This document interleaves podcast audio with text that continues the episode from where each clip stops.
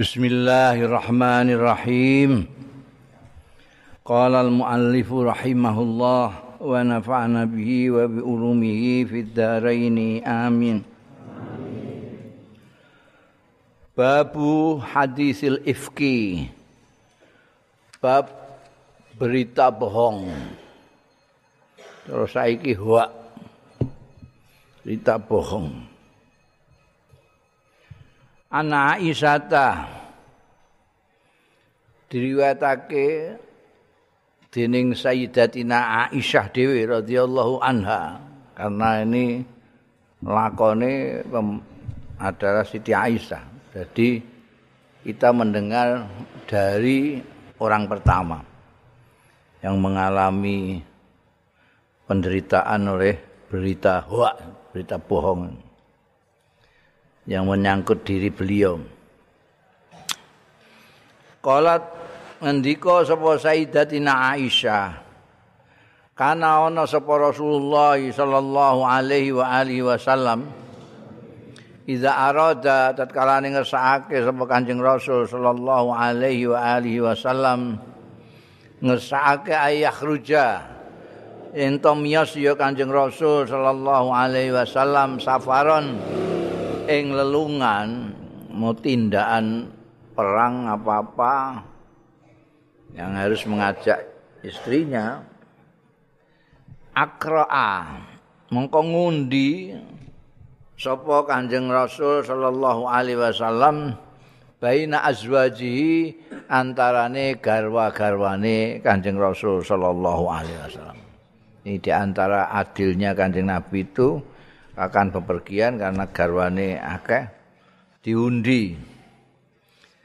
Fa ayyatuhunna kharaja sahmuha mongko endi azwat endi garwa sing kharaja sahmuha sing metu apa sahmuha bagiane ayatuhunna kharaja mongko miyas kanjeng rasul sallallahu alaihi wasallam biha kelawan ayyutuhunna ma'ahu sartane Kanjeng Rasul. Jadi mana yang mendapatkan itu undian itu yang berangkat bersama dijak Kanjeng Nabi. Anak gerwane pirang-pirang. Ono Sayyidatina Hafsah, Sayyidatina Maimunah sak piturute.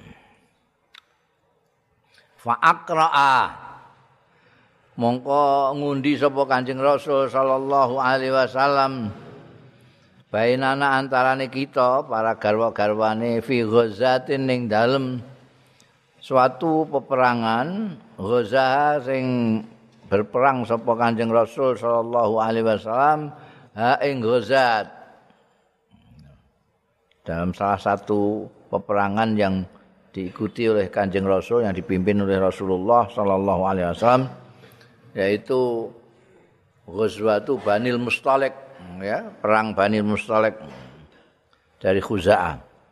Ini Kanjeng Nabi mengadakan undian untuk garwa-garwane siapa yang ikut. Fakhara jasahmi mongko metu apa sahmi bagian ingsun yang mendapatkan undian Sayyidatina Aisyah. Maka fakharajtu mongko melok metu sapa ingsun ma'ahu satane Kanjeng Rasul sallallahu alaihi wasallam. Ba'da ma unzilal hijab sakwise barang ayat unzila kang diturunake apa al hijabu hijab. Jadi sak durunge iku ora do nganggo hijab kabeh kelihatan semua wajah-wajahnya. Ketika ayat hijab itu turun. Ini kejadian ini baru mulai. Kejadian Siti Aisyah nderek udah nganggo hijab. Sayyidatina Aisyah nganggo hijab. Karena sudah ada ayat hijab, hijab yang turun. Fa'ana mongko utahi ingsun iku ukhmalu. Digotong rapa ingsun fi haudajin ing dalem haudaj. Haudaj itu semacam oma-omaan ning dhuwur unta.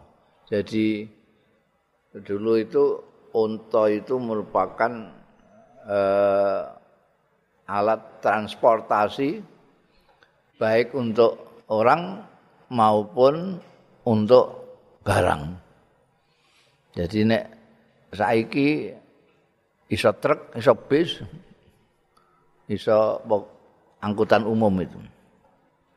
Nah sing untuk orang itu digawekno kaya oma-oman, sekedup jenek wong kiai-kiai kuno nek maknani hauzat itu sekedup. Mbok iku bahasa apa iku sekedup iku?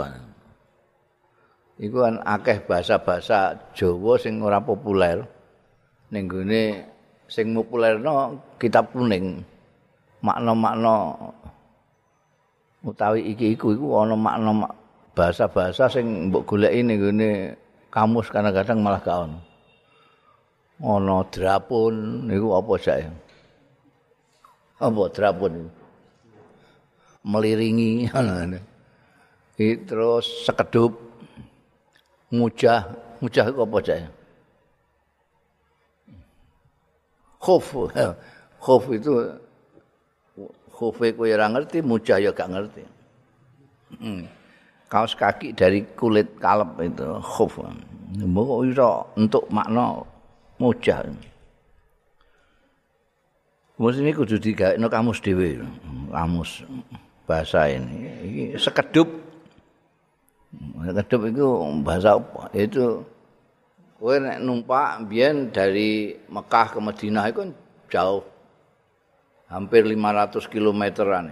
Kan nek numpak liane mobil ya unta itu. Lalu orang naik di atas itu linggih atau turun-turun iso. Jadi unta itu jadi yo tapi yo jeglak-jegluk ngono. Iki sekedup. Fi haudajin ing dalam sekedup wa unzalulan den dunake fi ing dalam haudaj Jadi naik di atas itu jalan, kalau turun itu unta itu kan dengkule loro itu. Jadi orang kaya kewan liane itu. Jadi ana suara khusus tukang-tukang unta itu nek di suarani mbekan tukang iku terus ndengkluk dengkule suara sepisan dengkule siji ngono mantek ndeprok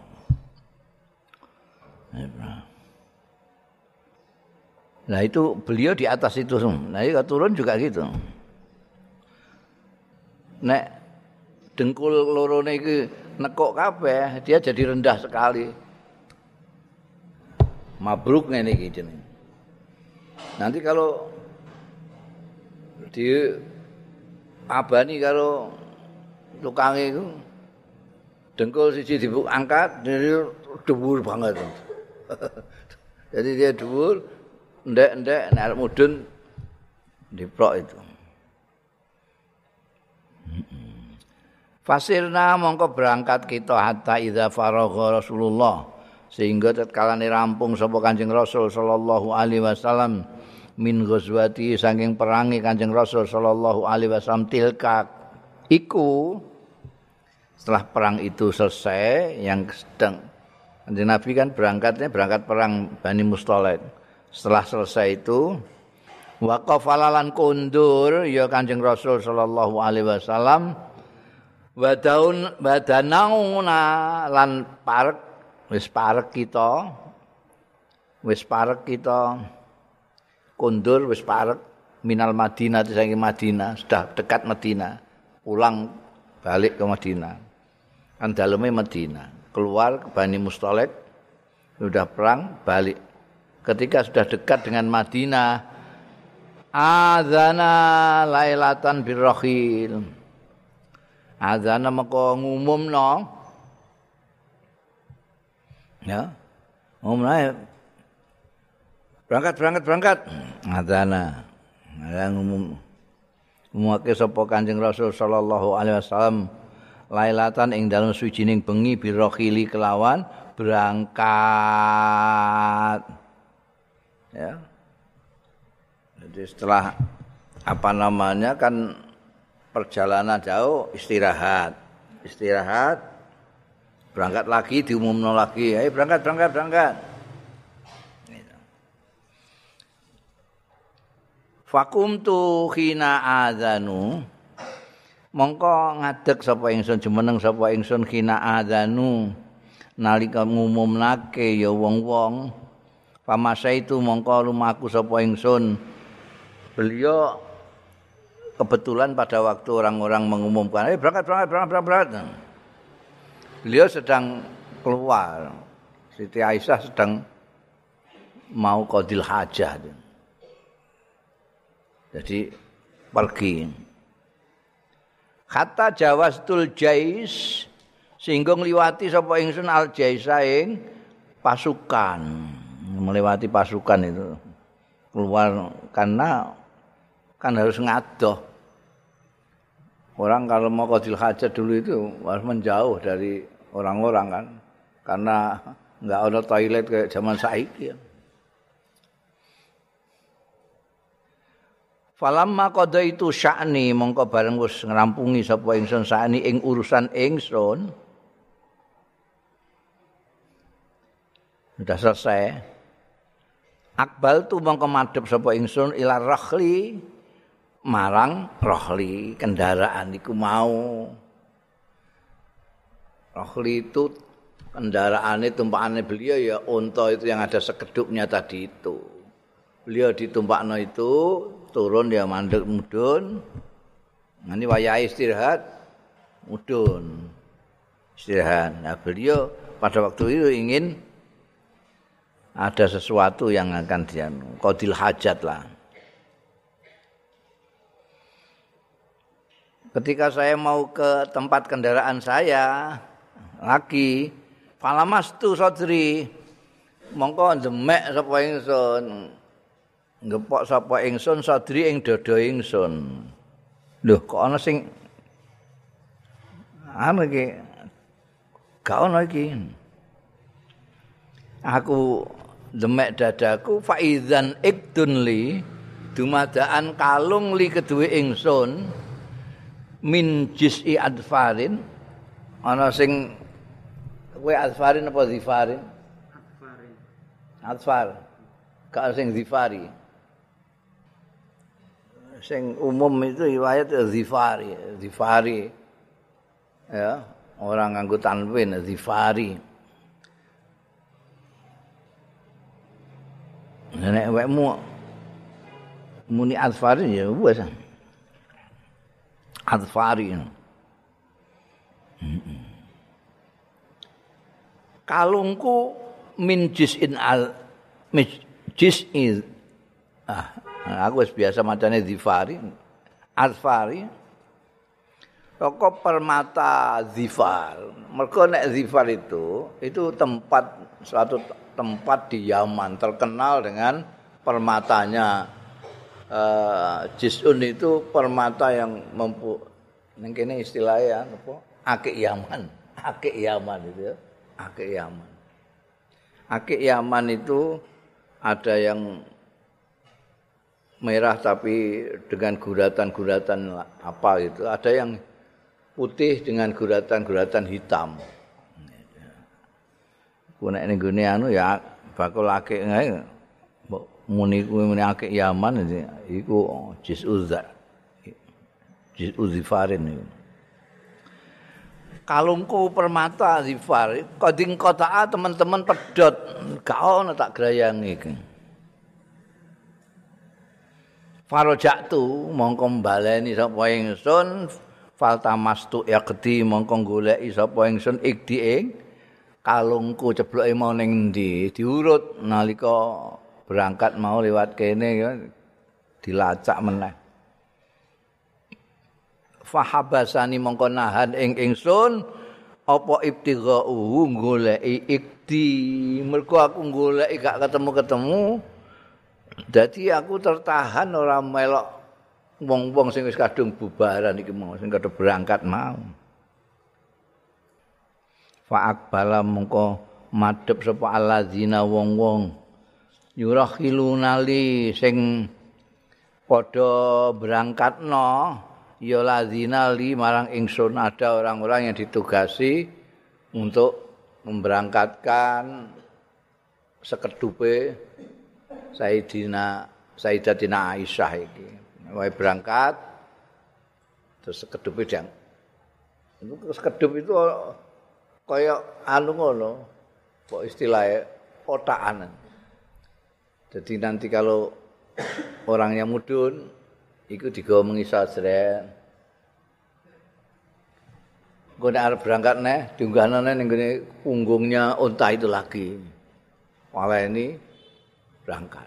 Itu ada petugas dewi ini yang dingendikakno Sayyidatina Aisyah akbalal ladzina yurakhilunali yang bertugas untuk ini tadi. Memberangkatkan Siti Aisyah untuk mengangkat lagi sekeduk ke atas punggungnya unta. Fahta malu mongko ngangkat mikul sapa alladzina haudaji ing sekedupku sekedup sing ning diangkat didosok ning gone gegere unta meneh. Farohalu Farohalu mongko berangkatno sapa alladzina hu ing haudat iki mau ala bairi ing atase unta ingsun. Alazi kuntu kang ana sapa ingsun iku arkabu numpak sapa ingsun. Wahum kale utahi alazina iku yahsabuna padha nyono mengira anis dene ingsun iku fihi ing dalem. Haudat Masa boten krasa, ora krasa. Wa kanan nisau lan ana para wong wedon-wedon. Idza kanalika semono nalika iku. Iku khifafan kuru-kuru kok. Ora tembem-tembem kaya. Lam yaskulna ora abot iya nisa walam yakhshahuna lam lan ora numpleki ing nisa apa Allahmu duake ora kok ora gelinuk-gelinuk ngono Soale wa inna ma yaqulna al ulka. Wa inna ma yaqulna ing pestine dahar ya nisa pada waktu itu al ulqata ing setitik minato ami saking panganan. Jadi falam yastangkir mongko ora merasa pangkling. Sapa al kaumu kaum khina rafahu nalikane ora curiga. Kina rafa'u nalikane ngangkat ya ladina ya kaum hu ing haudat ora istingkar ora pangkel ora merasa curiga siklal haudaji ing abote haujat perlu diketahui bahwa Siti Aisyah pada waktu kejadian ini itu masih remaja. Jadi bayangno sepuh remaja. Sekitar 14-15 tahun. Masih sangat muda. Karena beliau diajak ke Medina itu kan umur 9 tahun. Nanti kita akan tahu kualitasnya Sayyidatina Aisyah. Beliau itu masih muda, remaja lah. Dan zaman itu bukan hanya remaja, tapi zaman itu terincing-terincing ono. Ora gemblep. eh? Karena perempuan-perempuan itu pada waktu itu makannya ndak banyak, ndak gembul ngono. Makannya banyak dan tidak ngemil. Ora saiki ya gak ana sing wong wedok kaya ngono iku, trincing. Eh, sampai di dalam haudat ini ada beliau, ndak tidak ada beliau, orang tidak tidak dia gak iso nandai. Perasaan orang-orang yang angkat kok padha ya abote. Karena hanya berapa kilo. Bayangno ban. Juk bayangno pan oh ngono. Jeh enam swidak kilometer. Huwe incing. Bangsa patang puluhan banyak boran. Dia gak kerasa. Gak kerasa orang yang angkat ini. Disangkanya Siti Aisyah sudah ada di dalam. karena beliau itu di dalam karena perempuan ini gue jero haudat saja apalagi sudah turun ayat hijab tidak ketemu sama orang-orang. Garwani kanjeng nabi. Jadi di tempat haudat itu ketika diturunkan ya sudah di situ kegiatannya di dalam haudat itu. Kayak omah-omahan cilik. Emah nanti kalau akan berangkat diangkat. Dan yang ngangkat tidak merasa wah ini kok jadi enteng enggak. Karena ket mau ya tidak merasakan wa kuntulan ana sapa ingsun fahtamaluhu mongko ngangkat apa apa wong-wong mau kaum hu ing haudaj wa kuntu tai ingsun iku untuk ana sapa ingsun nalika iku ana iku jariatan hadis atas sini cah wedok sing isih enom umure. Belum sampai 15 tahun asih sangat muda. Remaja lah saiki. Eh cara cah saiki ya isih pasaran. Saya dolanan nganten-ngantenan ngono.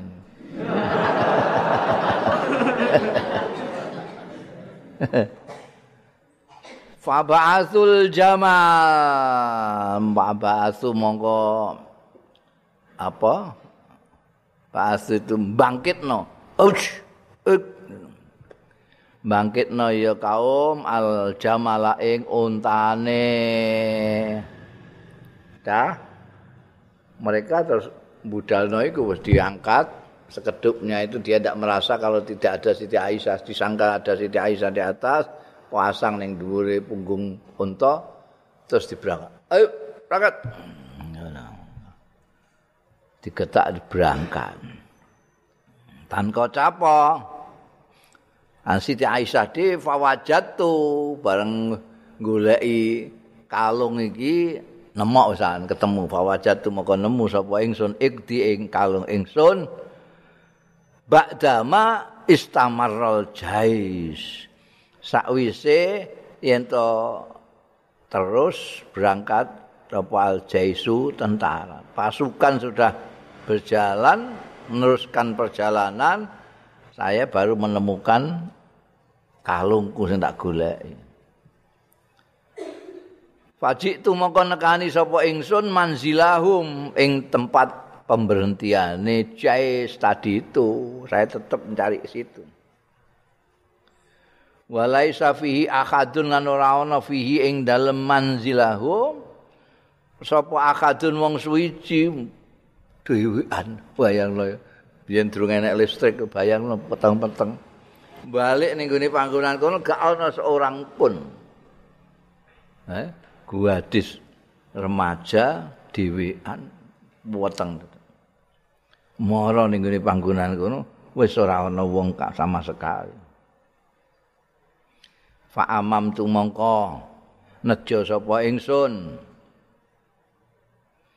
manzili ing panggonan mudun ingsun mau aladzi kuntu kang ana sapa ingsun jadi saya kembali ke tempat saya tadi diturunkan wis gak ana Untane wis gak ana, sekedupe gak ana, gak ada sapa-sapa. Tengok-tengok. Padhonan tu mongko yakin sapa ingsun. Anaum setuhune kaum wong-wong iku sayap sayaf kiduni. Mongko bakal kelangan sapa wong-wong ing ingsun fayarjiuna mongko bali. Wo itu cerdasnya. Fayarjiuna mongko bali sapa kaum ilaya marang ingsun. ngono iku tenang saja wis paling-paling dene kena golek kelangan lho iki ning ndi mesti balik jadi aku tetap ning kene ae aku ning liya-liyane ku mereka balik malah gak ketemu aku. Itu cerdasnya Siti Aisyah masih remaja. Punya keyakinan mereka pasti akan kehilangan saya dan akan kembali mencari saya. Mencarinya mesti di tempat saya. Tadi itu diturunkan. Jadi terus tenang saja beliau. Ora kok terus wedi mlayu-mlayu malah hilang. fabaina ana jalisa mongko nalikane ana sapa ingsun iku jalisatun pinarak pinarak ngenteni nek ana wong goleki balik. Ghalabat ni mongko nglindih ing ingsun apa ainaya mripat loro ingsun fanim tu mongko sare sapa ingsun. Ha orang lugune ra karuan ditinggal pasukan kaya iso turu lho. Iso sare saking ayem. Mergo pikirannya itu tadi pasti akan balik. Nek rumangsa kelangan aku gak ana digoleki mesti balik. Itu nang ngantek keturun wa kana safwan bin al-mu'attal as-sulami ana sapa safwan bin al-mu'attal as-sulami summa az-zakwani. Ini orang sahabat sahabat besar ini dia termasuk min ashabil badr maksufan ya sahabil fadil. Sofwan bin Al-Mu'attal As-Sulami Az-Zakwani Min wara'il jaisi saka mburine tentara. Fa asbaha inda manzili. Jadi ninggune pasukan-pasukan waktu itu kalau berangkat perang itu ada beberapa yang mendapat tugas. Kalau belum perang ada mereka yang ditugasi untuk sisik melik sekarang informan untuk mencari kedudukan mana yang paling baik dan ada yang diberi tugas untuk meneliti tempat yang dilalui dan tempat yang dibuat untuk berkemah tentara. Jadi kabeh berangkat itu ada yang mungkin ada yang ketinggalan pedange, ketinggalan rangsele, ketinggalan apa. Itu orang ini yang bertugas nanti membawa pulang. Pada waktu itu yang bertugas ini Sofwan ini. Sofwan bin Al-Mu'attal. Ini min warail jais. Jadi tentara sudah berangkat, dia kembali untuk melihat apa ada yang ketinggalan dari milik-milik pasukan tadi. Fa asbaha inda mongko dadi sapa sopan inda manzili ana ing sandinge panggonan ingsun mudun. Dia kebetulan sampai ke tempat saya, tempat di Siti Aisyah. Faro'a mongko ningali ya Sofwan sawada insanin naimin ing regemeng-regeminge menusa sing lagi turu. Ketok bengi ya regemeng tok. Ada gelap-gelap itu. Pokoke bentuke ana wong turu. Fa'atani mongko nekani sapa Sofwan bin Al-Mu'attal ing ingsun. Wa kana lan ana sadurunge iku sapa Sofwan iku yaroni wis tau weruh sapa Sofwan ing ingsun qoblal hijab sadurunge turune ayat hijab. Sebelum hijab dia sudah pernah lihat saya Sofwan ini. Jadi ngerti, lho iki Siti Aisyah. Pastai tu mongko ngelilir sapa ingsun bistirjaihi sebab istirjae sopan. Sopan ngerti nek iku Siti Aisyah. Terus istirja. Innalillahi wa inna ilaihi rajiun. Iki piye kok ngantek ketinggalan? Innalillahi wa inna Saking bantere ngono ngantek nglirik Siti Aisyah. Pastai kuatu bistirjai Kina ana khonalikane Diprokno Sopo Sofwan Rohila tahu ing Untane kendaraane Sofwan Fawati amoko ngidai. Sapa Sofwan yadaha ing singkil ngarepe. Mau sing tak kandakno iku. Kanggo nekuk-nekuk dengkule unta iki mau dindaki yadaha iku angan tangan iki maksudnya sikil ngarep. Nggih ngarep sikil ngarepe. Supaya Siti Aisyah bisa naik. Nek ora mbok diprokno mbok indaki ngono piye carane munggah. Faraqib tuha mongko numpak sapa ingsun ha ing rakhilah. Fantolaka yakudu bi mongko budalan sapa Sofwan yakudu nuntun sapa Sofwan bi kelawan ingsun ar-rakhilata ing kendaraane mau untane. Dadi dideprokno Siti Aisyah munggah terus dituntun berangkat. Hatta ataina sehingga nekani kita al jaisa ing pasukan menyusul pasukan.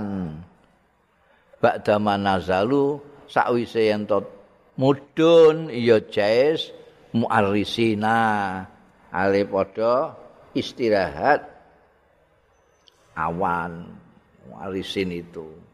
Mereka turun untuk istirahat waktu panas banter.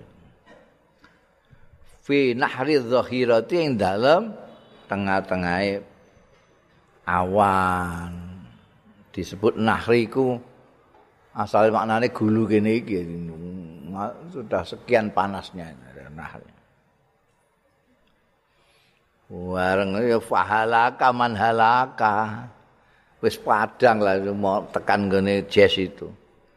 Fahalaka man halaka maka rusak sapa man wong halaka sing rusak. Terus mulai di situ kegaduan datang mulai. Wa kana allazi tawallal ifk lan ana sapa allazi tawalla? Sing nguasani sing mimpin al ifka ing kebohongan. Iku Abdullah bin Ubay bin Salul Siapa lagi kalau bukan Abdullah bin Ubay bin Salul. Tokoh munafik nomor satu. Abdullah bin Ubay bin Salul. Senior. Abdullah bin Ubay bin Salul senior. Karena anaknya Abdullah bin Ubay bin Salul junior itu muslim mukmin yang baik putranya. Yang ayahnya ini biang keroknya munafik. Begitu tahu Siti Aisyah naik untane Sofwan dituntun Sofwan bin Mu'attal Abdullah bin Ubay bin Salul punya peluang untuk mencemarkan nama baik Kanjeng Rasul karena dia musuh dalam selimut. Kita nek ning ngarepe Kanjeng Nabi mantuk-mantuk tapi jane wencine karo Kanjeng Nabi ku setengah mati. Setiap peluang untuk mendiskreditkan anjing Rasul dan umat Islam dilakukan oleh Abdullah bin Ubay bin Salul dalam beberapa momen itu nenggune perang Uhud mereka itu Ibnu Abdullah bin Salul iku sing ngejak balik wong-wong pasukan itu. Nenggune perang Hunain juga mereka juga.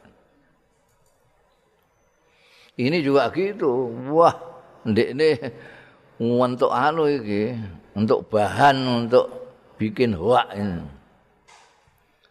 Faqadimnal Madinah mengko sampai kita teko sapa kita al Madinah ta ing Madinah. Pastaka itu mongko mong pastaka itu itu asal maknane ngeluh sapa ingsun tapi terus tinggu maknane lara beliau terus gering sakit masuk angin bawa fastaka itu biha ana ing Madinah. Sahron saulan. Tiba-tiba beliau dilalai Siti Aisyah itu sampai Madinah gering gerah sampai satu bulan. Wan nasu khale utahe wong-wong kuyufiduna ngramekno ya. Ngramekno ya nas fi kauli ashabil ifki ing dalam ucapane wong-wong sing duweni kabar bohong iku. Abdullah bin Ubay bin Salul sak kancane itu terus eh memviralkan cara saiki ya. Wah itu dikirim ke sana ke sini ngomong. Ini bojone Nabi ada main dengan sopan diramekno ya fidunan nas. Siti Aisyah ini enggak tahu karena sakit. Beliau sakit sabulan ini. Bulan dilalah sakit. bi kauli ashabil ifki wa yaribuni lan mencurigai ingsun dituduh sing ora-ora fi wajahi ing dalem lara ingsun jadi sakit malah dianggap sing ora-ora beneran pulang dari perang ikut kanjeng Nabi pulangnya dewean karo Sofwan dituntun numpak untane Sofwan. Bariku terus jatuh kering wah rame wong-wong Ya ribuni curiga ing nyurigake ing ingsun fi ing dalem lara ingsun apa anis tune ingsun iku la ora ningali sapa ingsun minan nabi saking kanjeng nabi sallallahu alaihi wa alihi wasallam. Al-lutfa ing lembut allazi kuntu kang ana sapa ingsun ara ningali sapa ingsun mindu saking kanjeng nabi sallallahu alaihi wa alihi wasallam hina amradu nalikane lara sapa ingsun. Dilala aku yo kok dengaren kanjeng nabi itu biasane aku lara sithik ngono ae. Masyaallah ngetokno lembute. Kena apa iki apa asale kena apa? Jendol dipijeti barang. Iki gak ya? Jadi aku curiga ini termakan omongan huak-huak itu piye kan aku rada curiga kok. Kanjeng Nabi ora kaya biasane. Biasane kuntu aramin khina amrad minam. Iku mesti alutf alus. Ini gak. Innama yadkhulu angin pestine melebet ya Kanjeng Nabi sallallahu alaihi wasallam nek mlebu kamarku. Payu salimu mongko uluk salam sapa Kanjeng Nabi. Sumaya kulo mongko ngendika sapa Kanjeng Nabi. Kaifatikum kepriye? Kondisimu? Kaifatikum kepriye? Awakmu? Kanjeng Nabi itu saking mulyakno garwane itu beliau selalu menggunakan hitopnya itu manggo manggo jamak. Tidak mengatakan ki mestinya kan kaifatiki kaifatikum. Seperti halnya ketika beliau ngendikan ning Siti Khadijah dulu ya buka zamili ini tapi zamilu ini. Zamilu ini. Bab jamak itu digunakan untuk penghormatan. Gak ana basa kaya Jawa ini tingkat-tingkat mau inggil tapi ada penghormatan nek kanggo wong biasa sing sepantaran nganggo assalamualaikum tapi nek kanggo sing dihormati assalamualaikum. Karena itu Kanjeng Nabi marahi kita salam itu nganggo assalamualaikum. Itu yang resmi digunakan karena itu di samping doa penghormatan kepada orang. Nah, Kanjeng Nabi itu menghormati istri-istri beliau, perempuan-perempuan. Maka beliau kalau menghitopi dengan jamaah kaifatikum. Tapi ini tidak biasa. Kanjeng Nabi mau ngono tok juga biasa. Biasanya lembut banget kanjeng Nabi ku. Oh, paling ora ya demek batukku angel apa ora sak piturute. Diurut-urut tangan iki ora blas ya. Ya mau salam assalamualaikum. Assalamualaikum. Kaifatikum. Ngono tok. La asuru aku ora krasa bisain kelawan aku ora sadar. La asuru ora sadar sapa ingsun bisain kelawan apa-apa min zalika sing mengkono-mengkono perubahane Kanjeng Nabi. Kenapa Kanjeng Nabi kok tidak sehalus selembut biasanya kalau saya sakit? Saya pada waktu itu tidak tidak menyadari ada sesuatu. Hatta nakahtu sehingga mustadok dangan ya. Apa ingsun fakharat tu mongko metu sapa ingsun ana ingsun wa umum mistahin lan umum mistah kaya sing anu lah eh, bibiknya itu bibiknya umum mistah itu sing biasa eh mijeti Siti Aisyah nderekno nek tindak ning dindi itu umum Barang rodok dangan, aku metu, aku karo mistah. Kibalal manasi menuju kepada manasek. Ya. Manasek tempat di luar Medina. Orang-orang kalau mau kodil hajat, itu keluar dari Madinah. Tidak di Madinah. Apa manasek di luar itu tempat apa? Mutabar mutabar rozina tempat kodil hajat kita.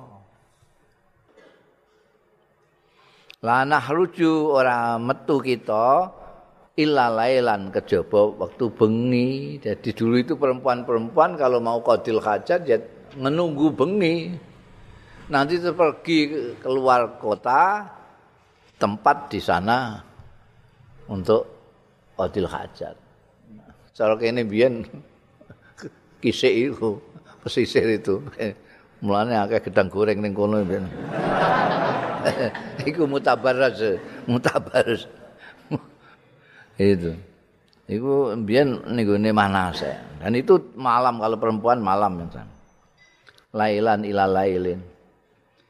Wadhalika utai mengkono mau iku koblaan tut takhadzul kuno sak durunge digawe apa jamban-jamban, kakus-kakus durung digawe, durung usum. Guri-guri sono kakus, guri-guri ana toilet tak terus. Biyen kablat antut takhadul kunub qariban parek min buyutina saking omah-omah kita. Kemudian ada itu apa istilahnya saiki? KF KFC apa? Tempat kagus umum itu.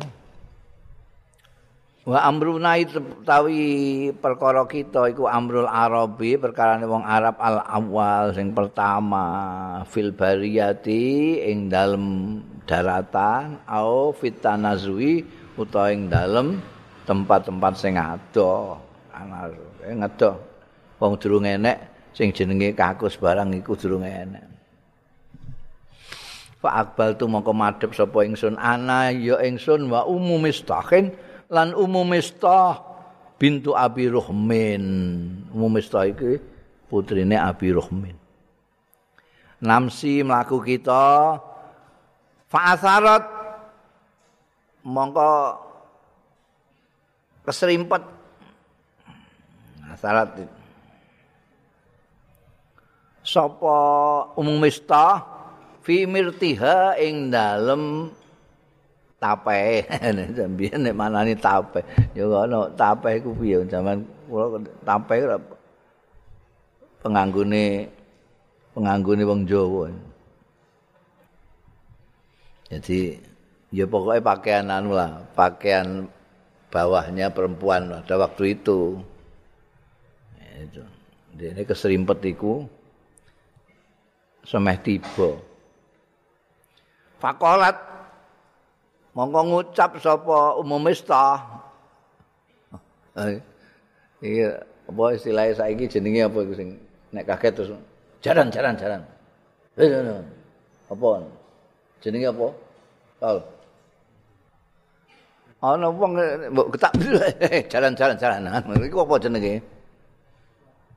Hah? Latah, ora gak roh kowe. Wong Batang enggak ngerti latah. Jadi umum itu lata, begitu terus tak isa mistah tak isa mistah ngono. Cilaka mistah pakul tuh aku mat kok Siti Aisyah tuh kaget lho kok latahmu kok aneh lho. Biasa nek muni jalan-jalan ngono kok. Saiki kok muni tak isa mistah Fakultu laha mau ngucap sapa ingsun Siti Aisyah laha marang Umi Mista bi sama kulti. Elek banget omongan sampean niku. Atusab atasub na rajulan sahida badrun. Empen kok misoi wong lanang sahida sing nyekseni rajul badran ing badar. Mistah mono termasuk ahlu badar min ashabil badar itu orang istimewa orang yang ikut perang badar itu kan main-main. Itu dihormati sekali oleh kanjeng Nabi Muhammad Sallallahu Alaihi Wasallam dan umat Islam yang lain.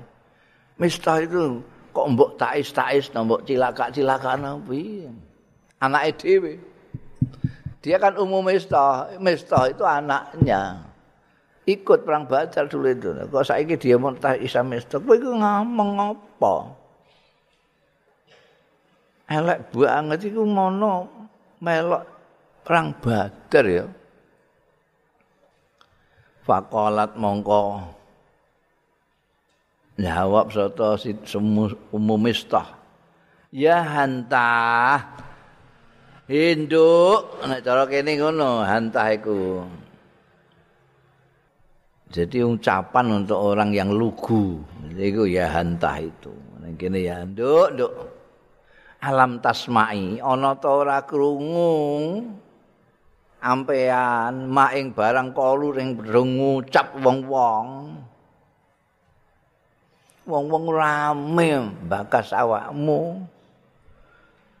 Fa akhbarat ni mongko ngabari sapa umum mestah ing ingsun bikauli ahli ifki kelawan omongane ahli bohong itu tadi. Sing di siar-siarno huwa iku dening Abdullah bin Ubay bin Salul. Wong wis rame ning Madinah sampean gak krungu to. Mestah iku melok-melok ngomong mulane tak tak isa tak isakno Wah, bareng krungu.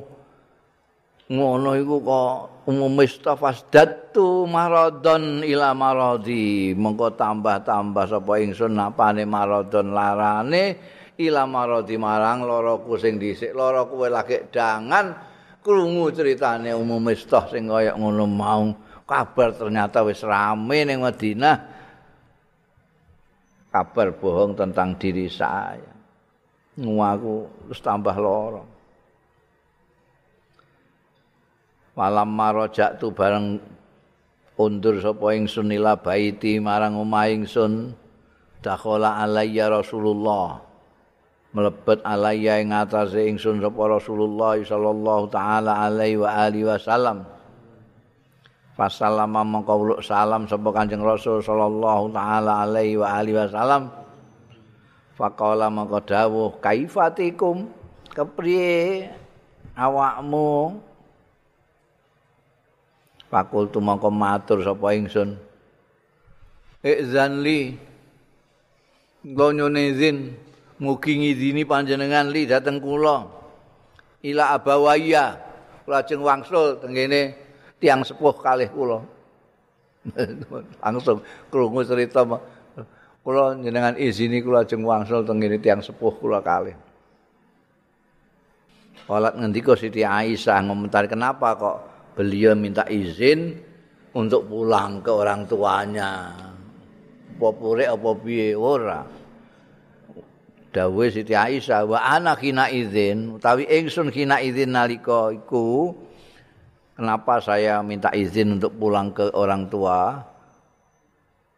Uridu ngarepake sapa ingsun an astaikina yen to yakinake sapa ingsun mengkonfirmasi cara saiki ini staiken al khabara ing berita mingki balihima saking arahe abawaya.